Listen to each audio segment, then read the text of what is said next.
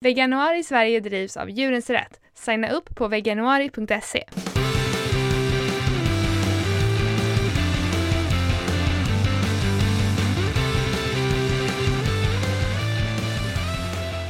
du lyssnar på Kvinnodjuren med mig Lina. Och mig Josefin. Varje dag i veganuari så bjuder vi på tips för dig som vill testa att leva som vegan. Nu är vi inne på dag nio och vi ska prata om att vara en riktig vegan. Ja, vad innebär det egentligen att vara en riktig vegan? Mm.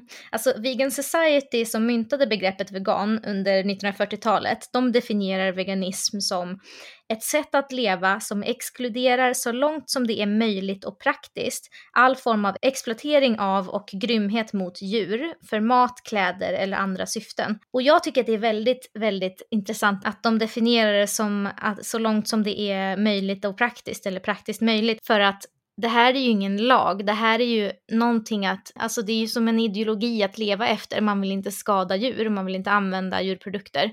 Mm. Men det är inte någonting som man ska straffa sig för ifall man inte kan göra det i allt i hela sitt liv och ifall man misslyckas någon gång.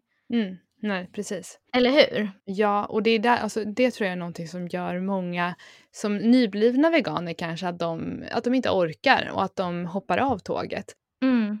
Man tänker att man måste liksom okej okay, men nu slutar jag, nu blir jag en riktig, riktig vegan, jag kan aldrig mer liksom, ja jag får slänga den här osten jag har i kylen nu för, ja, och liksom mm. på det viset. Ja, nej, precis, och det, det, det är jätte man gör det väldigt, väldigt svårt för sig mm. om det är, om man tänker att man ska vara 100% vegan. För vi kan inte, det, vi kan inte vara 100% veganer i, jag tror jag har sagt det här förut, i ett mm. specicistiskt samhälle. Alltså hela vår, vårt samhälle är byggt på specicism på att utnyttja djur på olika sätt. Det är, liksom, det, det, är slaktrester i, i lim i skor, det är liksom i plastpåsar, det finns liksom, eh, alltså det finns så, spår av det överallt på så många sätt och det kan ju vara liksom att man råkar äta någon godis som innehåller gelatin eller det kan ju vara alltså det kan finnas på så många platser och det är inte hela världen. Jag, det jag bara brukar tänka är att när jag är medveten om att någonting inte är veganskt, att det innehåller animalier eller har eh, har tagits fram med eh, användningen av djur på något sätt, då vill jag inte stödja det, så då väljer jag bort det. Men om, om, jag, om jag skulle äta jag vet att det var någon gång när vi skulle eh, äta fika på, på vårt landställe och eh, våra grannkusiner, de som bor där, de, eh, de hade lagt fram massa kakor och sånt. Och det finns några sådana här typ kex med vaniljrån liknande som mm. är från Göteborgs kex mm. eh, som är veganska. Men det, också, det finns ett annat märke som inte är veganska. Och hon hade inte kvar förpackningen, hon hade mm. bara slängt det liksom. Um, och, jag, och så satt barnen där och undrade om det fanns någonting de kunde äta för jag hade inte tagit med någonting för det var så spontant. Mm. Uh, och jag, var, så här, jag, jag, tror att de är veganska så, så, jag sa till barnen att de var veganska för jag var ganska säker på att de var det. Men mm. de kanske var, innehöll komjölk och alltså hade de varit allergiska mot komjölk då hade jag ju såklart inte chansat mm. på det. Men det var liksom, alltså, där så kände, kände jag bara att jag, jag är ganska säker på det, men jag är inte helt hundra. Um, och så man kanske, andra kanske hade gjort annorlunda, men så gjorde jag i det fallet. Det var ett mm. enstaka fall. Men vi kan inte vara perfekta för då skulle vi inte orka leva i den här världen, det är det jag vill säga. Nej, Nej man, det, jag tänker för min personliga del så handlar det om intention och vad jag liksom strävar efter. Mm. Jag väljer veganskt och jag gör det jag känner är det mesta jag kan för att se till att det jag köper inte är eh, gjord av animalier. Men ibland så går det inte. Jag kan göra enorma efterforskningar och jag kan liksom komma fram till att så här, jag tror att det här är veganskt, men jag kan inte vara 100, 100, 110 miljarder procent säker. Mm. Då händer det att jag köper ändå, precis som i ditt fall. Mm. Och jag tycker att det är okej. Okay. Jag har gjort det jag har kunnat. Liksom. Mm. Um, men, men också det här att om man då skulle råka få i sig någonting, att man får reda på i efterhand att det var inte veganskt. Typ om man är på en, en restaurang eller sådär och de springer ut, jag vet en kompis eh, eh, hände det här för att de, hon, de kom utspringandes, åh nej du har fått fel, du har fått någonting med komjölk i liksom. Mm. Så hon hade ätit eh, någonting med komjölk. Då är skadan redan skedd. Anser jag. Ja. Absolut, jag skulle må jättedåligt. Eh, för jag, eller jag skulle bli äcklad liksom och sådär. Mm. Men jag kan inte göra någonting åt det då, eh, förutom att liksom inte fortsätta äta liksom. Mm. Eh, jag tror det är jätteviktigt, jag tror att det är vanligt när man börjar, att man, att man ser det som ett stort misslyckande eller liksom att, man, att man mår så otroligt dåligt liksom, eh, av att man har fått i sig, eh, om det är av äckelskäl eller liksom princip eh, så, Mm. spelar ingen roll. Men jag tror det är viktigt att tänka då att men jag kunde inte göra någonting för att stoppa det här, det här var inte mitt val, jag måste lägga det bakom mig. typ. Och heller inte, heller inte säga åt andra som har råkat göra eller som har eh, misstagit någonting, jag har köpt någon produkt som de trodde var vegansk och eh, att man inte liksom bashar på folk för de försöker ju. Ja, ja, verkligen. En annan grej som jag känner är viktig att ta upp är mediciner och typ vaccin och sånt. Mm. För alltså det är ju omöjligt att, ta, att, att utesluta animaliska eh, eller, eh, eller djurtester eller sånt eh, överhuvudtaget när man ska behöver ta en medicin. Sen så finns det ju kanske vissa mediciner som man inte behöver ta och då kanske, ja, man kanske kan välja bort dem då. Men jag skulle ta en medicin häromsistens eh, och jag fick utskrivet av läkare och jag frågade runt och kollade googlade mig fram men jag kunde verkligen inte hitta ett alternativ till det som eh, inte innehöll gelatin för det var så här gelatinkapslar. Eh, och man var tvungen att ta dem i kapslarna också, jag kunde inte hälla ut ur Mm. kapseln. Eh, och så, så har vi det här med vaccin som innehåller rester av ägg och sånt och mycket djurtestat och mycket också så här långt tillbaka i tiden kanske producerat och så. Eh, men Ja, alltså vad ska man göra? Eh, man, man får göra det bästa vi kan och som sagt, vi lever i ett specicistiskt samhälle och allting bygger på att vi utnyttjar djur och därmed så är våra mediciner framtagna på det viset. Eh, så jag tror att vi bara får bita i det sura äpplet liksom på något sätt Mm. och, he- och helt enkelt hoppas på att det blir bättre i framtiden.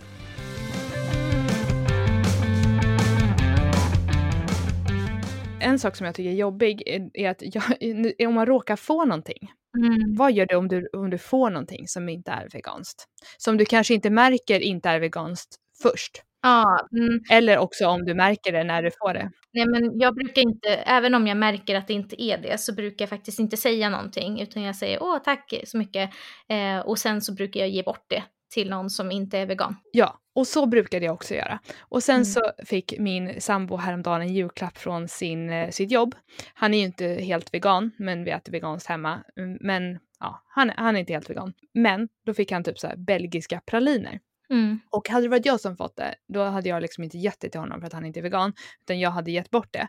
Ehm, och då så sa jag, jag sa det till honom liksom. Ehm, för jag brukar jag, jag, vill, jag vill inte ha animaliska produkter hemma, så det är därför, Nej. därför så köper inte han hem sånt heller. Ehm, men och då började vi diskutera det här med att ge bort eh, eh, icke-veganska produkter. Ehm, för jag brukar också göra det, jag tror jag fyra gånger fått icke-veganska gåvor från typ Mathem. Alltså du vet, typ Mm. mm. crème fraîche eller en Philadelphia eller typ lite choklad eller någonting sånt där. Och jag blir så irriterad. Jag är en sån där jättejobbig kund som bara, hur kunde ni skicka någonting icke-veganskt till mig? Du ser väl att hela min kundkorg var vegansk? Alltså, typ Ja, jag så. har också varit med om det där fast jag har fått liksom fel vara någon gång. Att jag inte fått det som jag beställt utan jag har fått något annat som inte är veganskt. Och har jag blivit helt förtvivlad. Mm. Nej, jag vill inte ha det här. Men, och, och, och vad jag tänkte säga med det är att när man ger bort någonting sen då, man ger det här som inte är veganskt till någon som inte är vegan, då på något sätt så normaliserar man det att inte vara vegan. Alltså så här, ja men du som äter så där kan ju få det här. Jag, jag gillar inte att slänga mat heller ehm, och andra saker, men på något sätt så gör det det. Så, förstår du hur jag tänker? Alltså, Jag förstår hur du tänker men jag tror inte att jag håller med faktiskt i det här fallet. Nej, vi diskuterade det här jättelänge och jag kom fram till att jag tycker det känns jobbigt att, att ge det till någon för då på något sätt så här uppmuntrar jag deras icke-veganism. Nej men jag tycker inte att man gör det. Jag tycker istället att man säger att så här, jag har gjort det här valet men jag vet att du inte har det och du skulle kanske ha köpt det här i alla fall.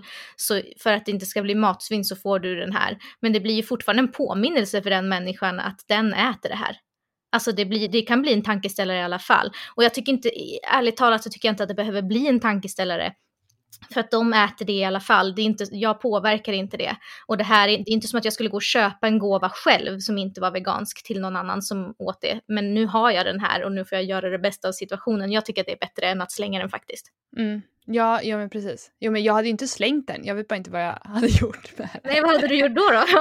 ja, jag vet inte, jag vet inte. Vi pratade om vegansk alkohol mm. och jag har, för alkohol har varit min så här, jag vet att vi pratade om det för ett tag sedan att vi inte alltid har varit så hårda på det. Mm. Um, men jag har blivit, efter vår diskussion där, så, så, så, jag, så dricker jag, jag kommer aldrig, jag, jag väljer bort icke-vegansk alkohol eh, alla dagar. Um, för jag, jag tror det är en sån sak som jag har tyckt varit för svårt. Mm. Um, och det är också så här, jag, nej okej okay, då kanske jag inte har varit 100% vegan och jag är inte 100% vegan men jag är vegan. Um, mm. Men jag tyckte att det varit för svårt för jag har inte haft så bra koll på vilka viner som har varit veganska. Jag har vetat att vissa öler inte är det och sådär men jag har verkligen satt mig in i det nu och jag vet, här, om jag inte vet att vinet som serveras är veganskt på en restaurang då väljer jag hellre den ölen som jag vet är veganskt liksom. Mm, mm. och dricka det för då, då vet jag det. Um, men det är liksom så man har olika, det är också viktigt tror jag att, att tänka på att man har olika stadier liksom, vad man tycker är viktigt och sen så eh, hur man värderar olika saker och man ska inte slå ner sig själv för att man kanske inte har gjort helt rätt från början. För man kommer, Nej, komma, på, och man kommer komma till nya insikter liksom om hur man resonerar. Mm. Men en grej som också är väldigt viktig tycker jag är att alla har olika förutsättningar. Alltså du och jag, ja vad är vi liksom övre medelklass, vita kvinnor. Alltså det är inte så konstigt mm, att vi kan sitta här Ja, vi kan sitta här och liksom välja och, och vi har det liksom eh, rätt okej okay ekonomiskt ställt. Det är liksom, mm. vi har jätte, jätte, jättebra förutsättningar för att vara veganer och för att göra liksom medvetna val i vår vardag, men alla har inte det. Eh, och så det är absolut någonting också som, som man får liksom ge sig själv lite utrymme för vad man står i för position och vad man har för förutsättningar i sitt liv. Mm. För att du kan vilja vara vegan hur mycket som helst, men det kan finnas hinder i din vardag som gör att du inte kan ibland.